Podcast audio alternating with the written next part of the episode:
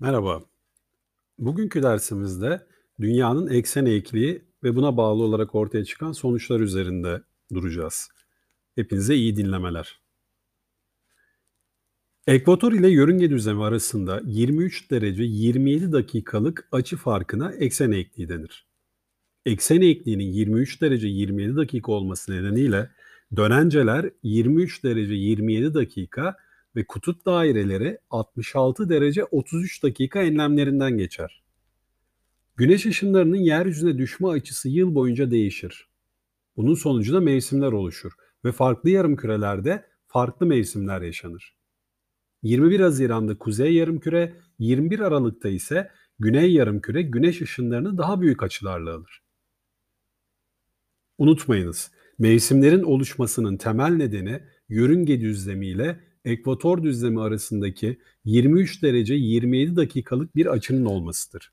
Eğer bu iki düzlem çakışsaydı güneş ışınları sürekli ekvatora dik gelecek, mevsimler oluşmayacaktı.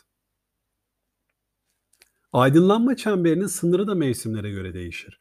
Dönencelerin ve kutup dairelerinin sınırları belirlenir ve matematik iklim kuşakları ortaya çıkar. Aynı zamanda güneşin doğuş ve batış yerleri ile saatleri de yıl boyunca değişir. Gece gündüz süreleri ve bu süreler arasındaki fark ekvatordan kutuplara doğru gidildikçe artar. Örnek vermek gerekirse 0 derece enleminde gece ile gündüz süre farkı yoktur. Yani ekvatorda.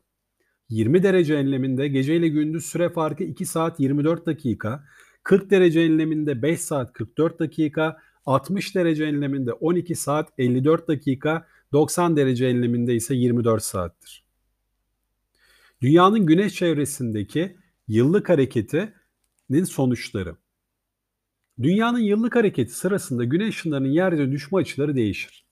Buna bağlı olarak mevsimler meydana gelir. Güneş ışınlarının geliş açısındaki değişime bağlı olarak cisimlerin gölge boyu da yıl içinde değişir. Güneş ışınlarının geliş açısı büyüdükçe gölge boyu kısalır. Güneşin ufuk üzerinde doğduğu ve battığı yer de değişir. Yeryüzündeki herhangi bir yere güneş ışınlarının geliş açısı değiştiği için o yerde yıllık sıcaklık farkları meydana gelir. Buna bağlı olarak mevsimlik basınç farkları ve muson rüzgarları oluşur. Yıllık hareket sonunda gece ve gündüz süreleri değiştiğinden bir yerde güneşin doğuş ve batış saatleri de yıl içinde değişiklik gösterir. Aydınlanma çemberi yılın her gününde ekvatoru iki eşit parçaya böldüğünden gece ile gündüz süresi yıl boyunca ekvatorda birbirine eşit olur. Güneş ışınları yıl içinde dönencelere bir kez, dönenceler arasında kalan alanlara iki kez dik düşer.